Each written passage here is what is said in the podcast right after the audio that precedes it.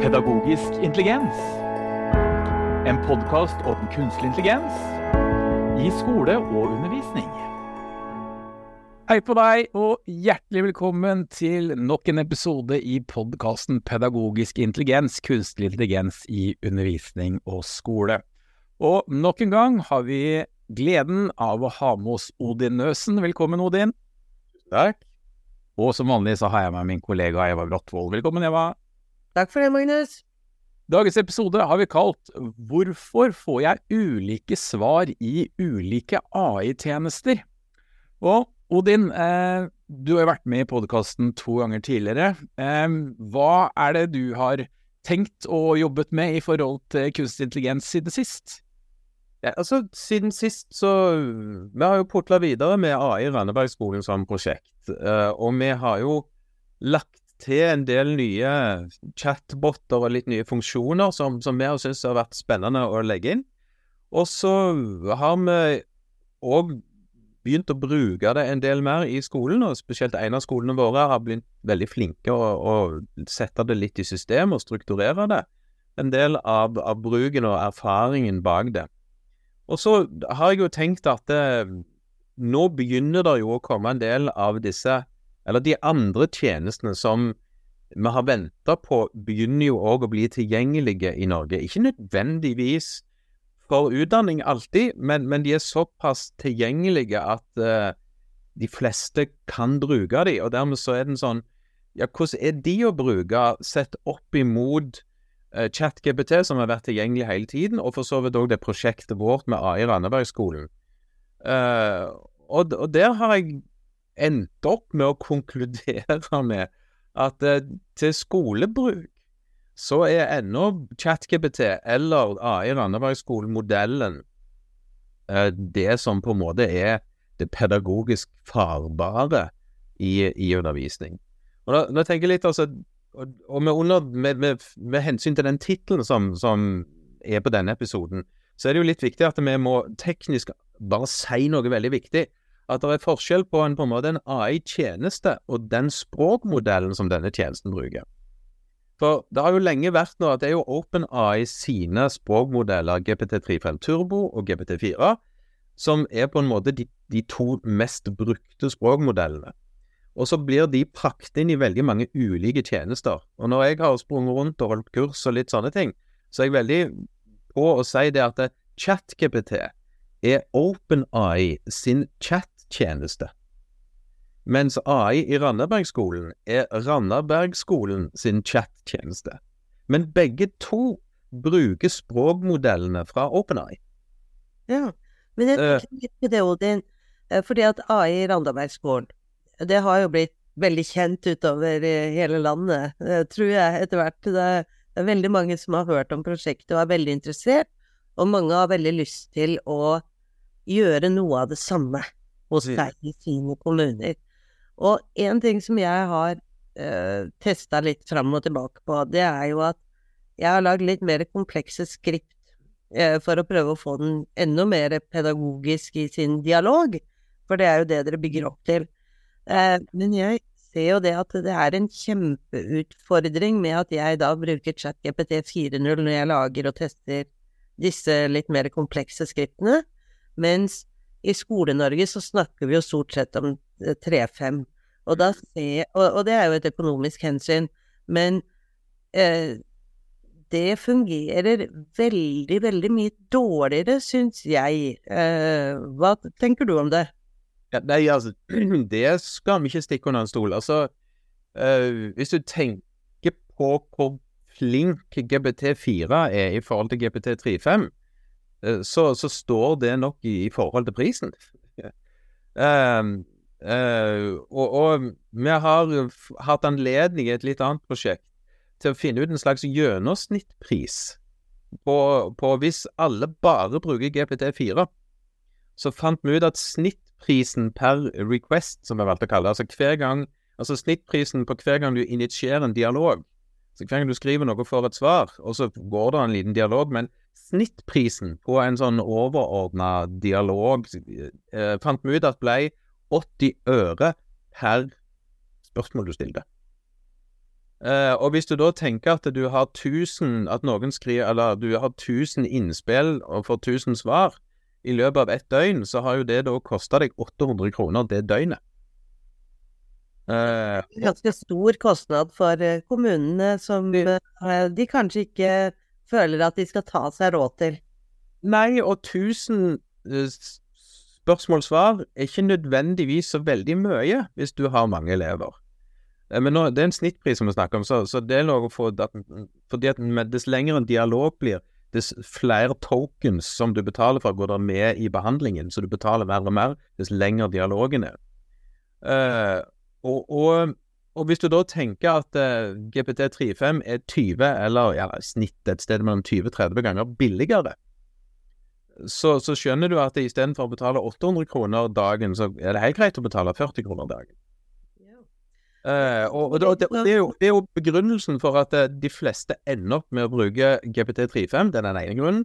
Den andre grunnen er at en har så lite tilgang på tokens per minute med GPT4 i disse API-modellene, som gjør at det det begrenser hva du kan tilby elevene og lærerne av GPT4-tjenester i en sånn chatbot. så, så det òg er med å på en måte løse litt problemet. Det tredje perspektivet i det er litt hvorfor vi gjør det.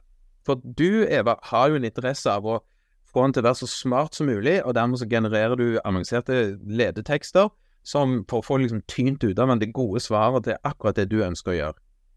Målet med AI i Randabergskolen er litt sånn todelt. Den viktigste delen av det er at elever og lærere får tilgang til teknologien, så de får lekt seg med den, og gjennom det arbeidet de gjør, skjønner hva en språkmodell er.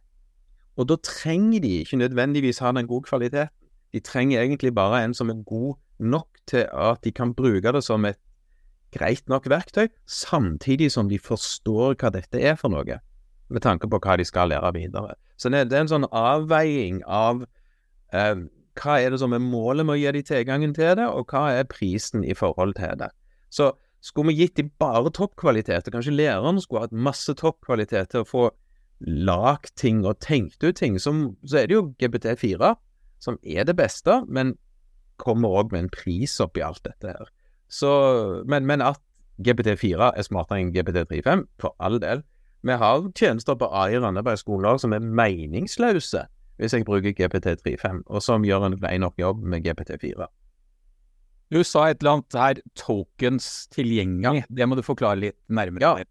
Når øh, vi har et abonnement enten hos OpenEye eller hos Microsoft sin Asher OpenEye-tjeneste, som den heter hos Microsoft, så får et abonnement, eller en deployment, alt etter hva ord du bruker, tilgang til et visst antall behandla tokens i minuttet.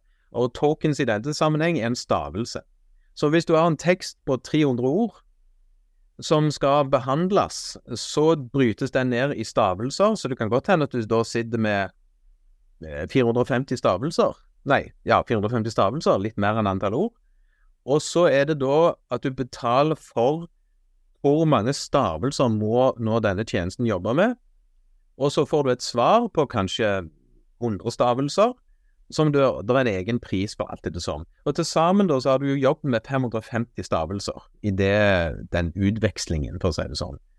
Og så er det en grense på hvor mange stavelser du får lov til å bearbeide i løpet av ett minutt i abonnementet ditt. Eh, eller i det abonnementet som f.eks. Randabergskolen har. Og akkurat nå, med Microsoft som vi bruker, da har vi lov til å bearbeide 300 000 stavelser i minuttet. Det er jo en del stavelser, eller det er på GPT35. Og det er jo en del stavelser i minuttet. Men hvis vi da blir mange nok elever og lærere som bruker tjenesten samtidig, så kan det jo godt hende at vi når denne grensen på 300 000 bearbeida stavelser i minuttet. Og da bare for å sette det i perspektiv, grensen for GPT4 er 40 000 stavelser. Og det betyr at hvis en klasse går inn på en av tjenestene som vi har, denne, denne, den som gir deg tilbakemelding på en oppgave, den må legge en oppgavetekst litt sånn. Hvis du legger inn det, så kan det hende at du lett legger inn 7000 stavelser, og så kjører alle 25 elevene dette på en gang. De legger det inn og trykker 'send inn' sånn noenlunde samtidig, da når du grensen på 40 000 stavelser per minutt umiddelbart. Og da er det bare en klasse som holder på. Men da er det kanskje, kanskje litt sånn som jeg opplevde når jeg begynte å jobbe med datamaskiner, og vi satt og la inn eh, ting i regnskapssystemet eksempel, og så kunne det jo gå både tre og fire og fem minutter, og i enkelte tilfeller så kunne det faktisk gå opp til en halvtime mens han bearbeida. Så, så, det med responstid var vi veldig godt vant med når uh, datamaskinen begynte å bli tatt i, i, bruk i bedrifter. Ja, du får respons med en gang, men den responsen du får er at ops, tjenesten eh, har overgått antall tokens per minute. Vent i 15 sekunder.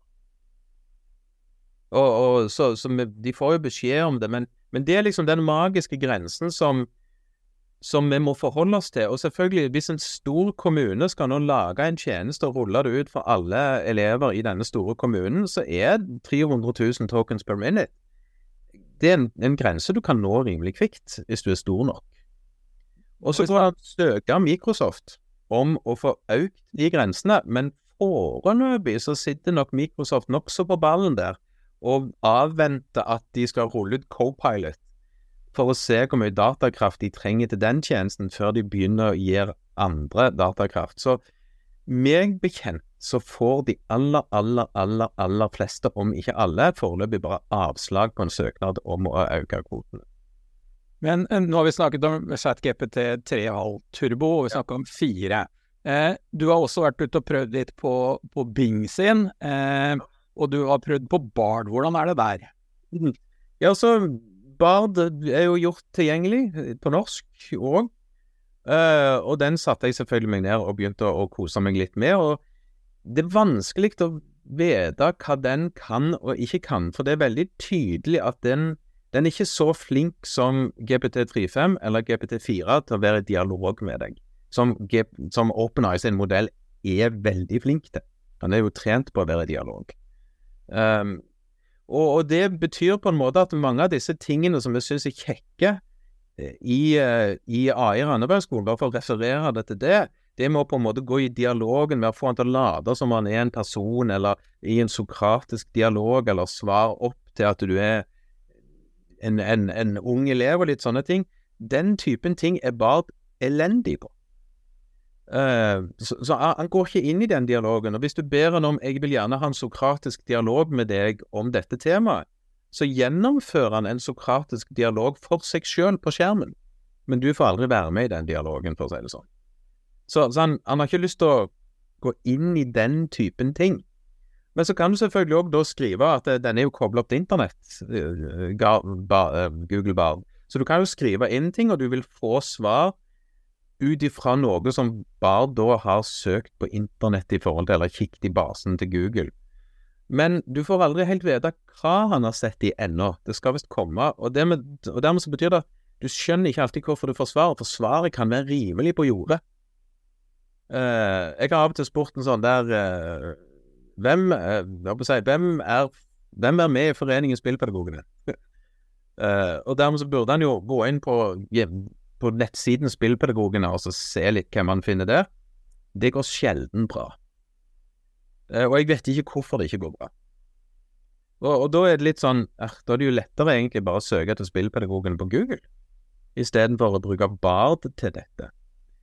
Men Bard kan jo gjøre noen sånne enkle tekstting, men, men han er på ingen måte bedre enn ChatGPT 35 og egentlig så er han ikke bedre enn ChatGPT35, selv om han kan være på nett, selv om GPT35 ikke er det. Så, så akkurat det der syns jeg er en liten sånn eh, Må bare liksom være veldig ærlig med å si at Bard er ikke på plass i forhold til som en språkmodell eller som AI, verken i forhold til det å søke på nett eller det å gå inn i en litt sånn fagdialog med han. Der, der syns jeg ennå at ChatGPT eller disse API-ene fra OpenAI vil gjøre en bedre jobb i seg sjøl. Men Også, den, jeg, på, Bing, ja. på Bing som, ja. den, den, vet vi at uh, Bing har jo både 3,5 og de har chat GPT4 i kreativ modus. Uh, men selv om det er det, disse motorene som ligger bak, hvordan føler du resultatene du får når du spør Bing? Ja, altså, jeg trodde Bing brukte fire på hele linja, jeg nå. Eh, sånn jeg har fått forklart, i hvert fall, så er det bare kreativmodus som bruker 4.0 når jeg snakket med Microsoft for 14 dager siden. Og så bruker de to andre samtalemodusene, de bruker 3,5. Ja, ok. Det er, altså, jeg har jo brukt BingChat Enterprise, eller jeg brukte BingChat før òg, men òg Kicklipp Enterprise-utgaven når den ble tilgjengelig her for Randaberg kommune òg.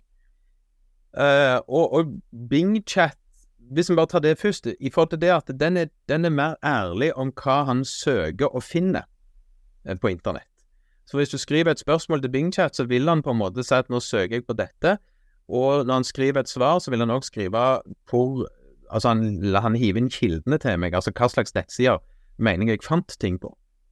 Men da kommer det jo veldig tydelig fram at BingChat er jo òg bare en, eh, et søk gjemt inn i en språkmodell i den forstand at det som jo skjer når du stiller et spørsmål, det er at teksten du skriver, blir analysert for å finne ut hva er de viktige ordene, sånn at han vet hva han skal søke etter, og så søker han etter de. Og så finner han noe tekst på noen nettsider, og så bruker han noe av den teksten til å putte det inn i ledeteksten som blir generert hos språkmodellen, som vi får se svaret på. Og utfordringen med det svaret vi får, er jo at det er prisgitt den, den teksten som ble lagt inn fra de nettsidene. Og Hvis han da har funnet gode nettsider, så vil svaret være bra. Har han funnet nettsider som ikke traff helt, så vil svaret være dette dårlig. Eh, og så er det jo noe ledetekst bak BingChat òg, som jeg ikke helt skjønner hva er, for den gjør underlige ting. Den har vist seg som Bard at han er òg like dårlig til å delta i en dialog. Hvis du vil han skal delta i en sokratisk dialog, så, han, så kan du risikere at han begynner å, å, søke opp Sokrates. Og så skriver han noe om Sokrates, og så gjennomfører han en sokratisk dialog, men han går aldri inn i disse rollene som jo ChatGPT er god til å gjøre. Eh, og det risikerer at du får litt sånne rare spørsmål.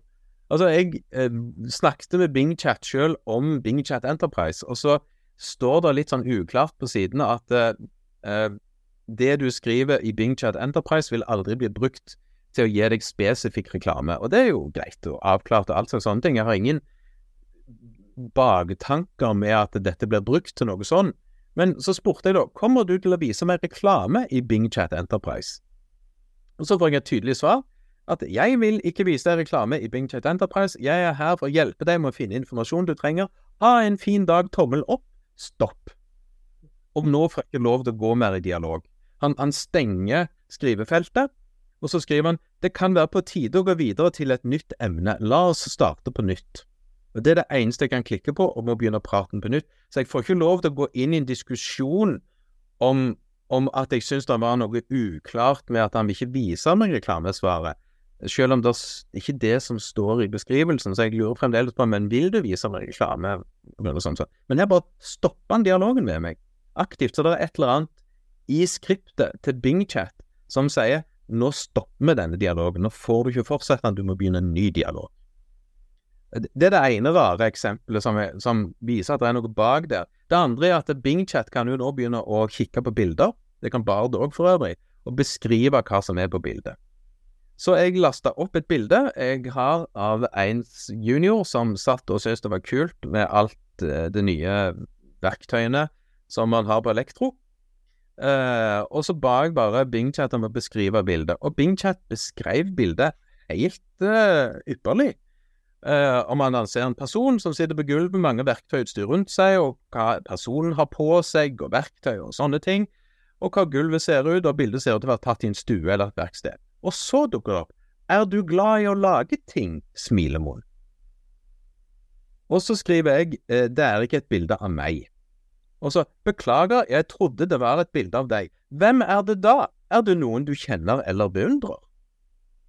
Og så begynner jeg å lure på hvordan Og smil, eller med sånn tanke-emoji. Og så begynner jeg å lure på hvorfor havner jeg i denne dialogen? Hva, hva slags ledetekst er det som ligger bak Bing-chat som får meg inn i denne dialogen? Er det en er det en rest av noe som ligger på BingChat generelt, som nå er interessert i å skaffe informasjon om som man skal bruke til reklame, som Enterprise ikke gjør, men som vi ennå bare ser en rest av? For, for dette har ingenting med det jeg spurte om. Jeg bare spurte om beskriv bildet, som han gjorde, men så spør han meg om andre rare ting. Og, og det gjør jo òg at, at det, det, blir en sånn Kan vi bruke BingChat Enterprise til undervisning, hvis elevene hadde hatt tilgang til det? Så ble det sånn Egentlig ikke. Ikke noe til det som vi nå bruker AI i Randabergskolen til i særlig grad. Fordi BingChat vil gå på nett, og han vil søke etter ting, og du kan risikere at han finner feil ting. Så der ChatGPT eller API-en ikke søker på nett, men vil skrive ut ifra det han er trent på, så vil den ofte gjøre mer korrekte ting enn det BingChat gjør. Og da forsvinner jo hele hensikten med BingChat koblet opp til internett i, i min verden. Så, og så mener jeg jo òg at halve det pedagogiske trikset med AI i Randebergskolen er at elevene opplever at de kommer i en dialog med en samtalepartner som vil de vel, og som aldri går lei av de, og som vil forklare de ting i en sånn dialogsform i en eller annen variant, og at jeg kan stille dette inn til at det er tilpassa ulike situasjoner. Og ingenting av det fungerer godt verken i Bard eller i BingChat. Så sånn til skolebruk så har jeg liksom endt opp med at mm, tilbake igjen til enten ChatGPT eller disse API-ene. Det er det som gir en god pedagogisk verdi i skolen, mener jeg. Og så er jeg, forbausa over hvor dårlig eh, BingChat og Bard i praksis er som, som en, en, en chat som er kobla på internett. Der liker jeg faktisk bedre uh, ChatGPT Pro kobla opp til internett. Den syns jeg faktisk gjør en bedre jobb, selv om den òg bruker Bing.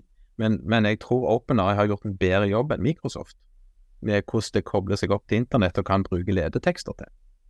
Så det du sier litt sånn i sånn korte trekk, det er egentlig at dette med dialog er veldig fraværende. At uh, kanskje når han sier sånn Er du glad i å lage ting?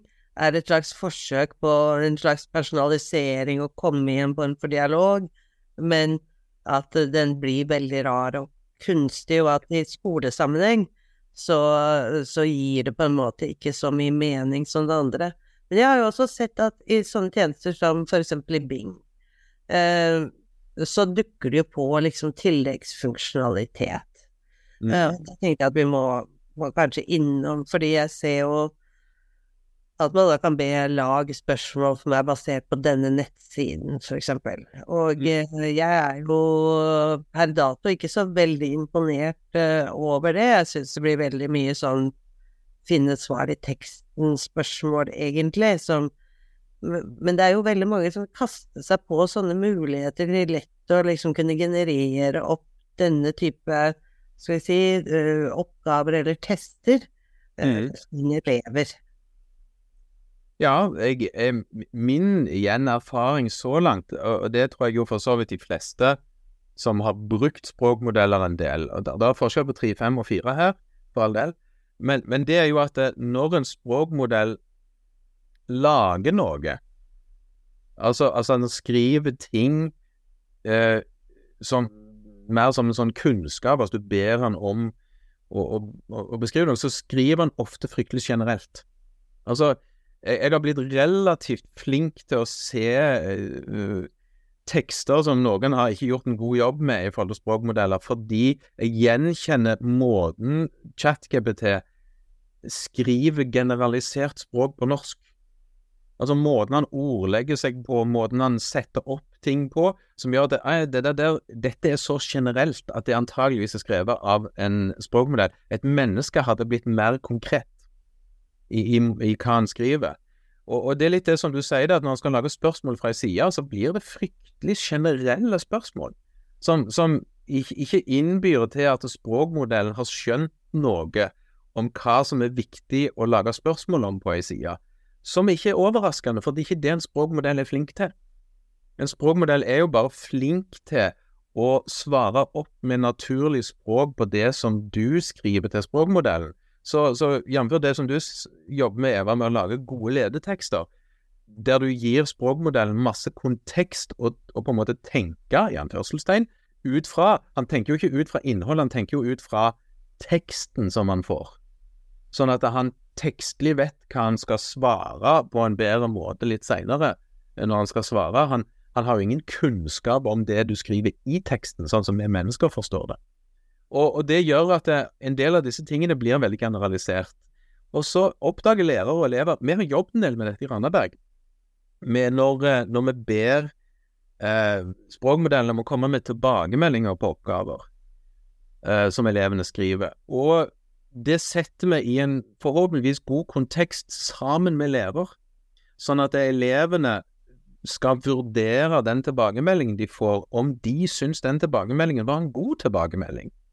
Ut ifra hva de sjøl har skrevet, hva de sjøl tenker at det burde være en god tilbakemelding. Så vi, vi tar elevene med i prosessen. Og noen ganger så gir han gode tilbakemeldinger, og noen ganger gir han veldig generelle tilbakemeldinger. Og problemet med de generelle tilbakemeldingene er at eleven kan lese det som en god tilbakemelding, men det, han er fremdeles fryktelig generell. Det er litt som å skrive at du må rette skrivefeil. Altså det er en sånn, ja, ja vel. Det kan du si til alle tekster. Det blir litt sånn horoskopaktig. At det blir generert en tekst som passer til alle tekster. Ja, eh, og da, da, er det jo viktig med denne konteksten hele tida. Og jeg ser jo at det er fryktelig komplisert å, å prøve å få med all kontekst. Ja. Uh, og jeg ser også det her at i og med at jeg selv uh, også kjører betalingsutgaven, uh, så jeg kjører pro-versjon, så har jeg lagt inn noe informasjon om hva jeg holder på med og jobber med, og det fører jo av og til at en plutselig skal trekke med lærere inn i alt det jeg spør om, eh, selv om det jeg spør om ikke har noe med lærere å gjøre i det hele tatt. Så, så den blir litt sånn rar iblant på det. Jo, men, men, det er jo et godt eksempel på dette med at det, det som legges inn som en del av ledeteksten, som sendes inn som skal bearbeides, vil være veldig styrende for hva du naturlig nok får som, som svar. Eh, og, det, og, som er for så vidt det som er delvis utfordringen, tenker jeg, da, til Bard og Bing Chat, med at du jo ikke alltid vet hva som blir lagt inn som en del av ledeteksten. Og dermed så er det vanskelig å forholde seg til svaret på en god måte. Eh, men, og det er der jeg tenker igjen det er viktig det som jeg nevnte med elevene, at, at, elever som skal lære å bruke dette til ting, må inn og være med i prosessen. De må skjønne hva en språkmodell egentlig gjør når du ber han om å komme med en tilbakemelding på noe du har skrevet eller når du ber han om å gjøre noe som du har skrevet.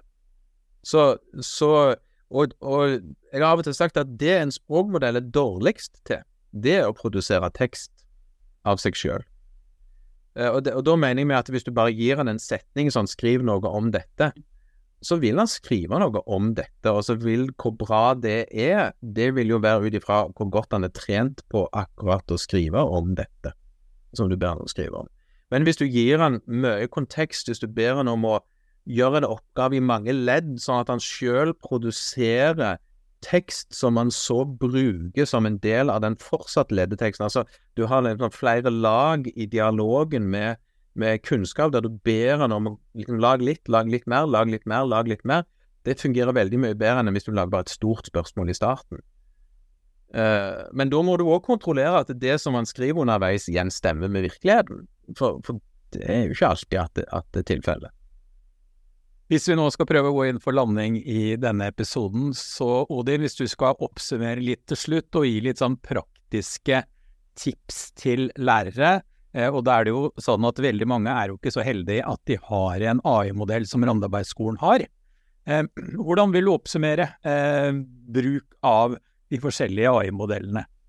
Altså, og min generelle advarsel lær deg hva en språkmodell er, sånn at du skjønner hvordan den virker, for det er da du forstår hvorfor du får det svaret du får.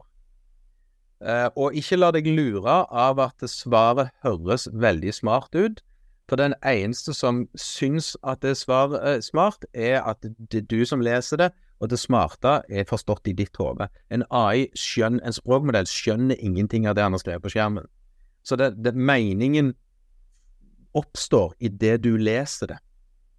Uh, og, og det, du har lov å kalle det som står på skjermen, et slags ekko av det han er trent på. Litt forenkt, det er for forenkla sagt. Det, men, men, det er fremdeles det det er. Så, så datamaskinen, eller språkmodellen, mener ingenting. Meningen oppstår når du leser det. Og, og, men til skolebruk så mener jeg jo da fremdeles at det er forsiktig med chat, Bing-chat og, og Bard. For de legger så mye inn i ledeteksten som du sjøl ikke nødvendigvis har kontroll eller vet noe om, til at du, det kan være vanskelig å vurdere det svaret som kommer om hvorfor du får det. Og da vil faktisk det å bruke ChatGPT, eller lag deg din egen utgave av AI Randabergskolen, det er ikke en uoverkommelig ting. Jeg, jeg, har skrevet på bloggen min, eh, som jeg da bare skrøt av, IKT og skole, der har jeg skrevet en fryktelig enkel oppskrift på hvordan du raskt kommer i gang med din egen, som takler fint en, en stor skole, og kanskje òg en liten kommune. Eh, og ennå så er AI Randebergskolen åpen for alle. Jeg har nå sagt at det er når vi når denne tokens per minute-grensa vår, at da må vi begynne å stenge ned. Men vi er ikke der ennå, så, så dere som ser denne podkasten, eller lytter til den, dere må jo ennå for all del ta en tur innom og bli kjent med, med, med hva språkmodeller er, hvis dere ikke kjenner fra før. Og så slår jeg òg et slag for at det står jo en del tips til elever og lærere på den sida, i forhold til hvordan kan bruke det på en, en, en, en god måte i skolen, eller iallfall en god innfallsvinkel til det, og så må en jobbe videre med det sjøl. For, for, det skal jeg heller ikke stikke under stol at dette er jo ny teknologi. Og, og med, altså, jeg mener jo at den har sin misjon i skolen, for all del. Veldig viktig. Jeg tror Jeg har tenkt å si at det er den viktigste teknologien, eller digitale teknologien som vi har tilgang til til skolen, i skolen nå, etter internett. Og jeg sier vel òg ofte at jeg ser ikke på dette som digital teknologi, eller en, en tjeneste, jeg ser det på mer som en form for infrastruktur. Altså, jeg tror vi må sammenligne kunstig intelligens med internett. Altså, det er noe som alle på et eller annet nivå må ha en tilgang til, og en type infrastruktur vi kommer til å benytte oss av i ulike sammenhenger, på samme måte som vi gjør med internett. Så, så, men hvis dere vil være på en måte bli kjent med språkmodeller, så lek dere med ChatGPT, og gjerne ta turen innom AI Randabergskolen, eller hvis dere får tilgang til Universitetet i Oslo sin nye tjeneste, eh, NDLA sin som kommer neste uke, tror jeg, Eh, Sikt skal jo òg tilby noe til høyere utdanning, eller til alle si, siktorganisasjoner. Så bruk de si, generelle språkmodellene mer enn BingChat og Google Bard i undervisning, vil jeg sagt. Da var det det siste ordet for i dag. Takk, Odin, for at du nok en gang delte dine visdomsord til oss og lytterne våre.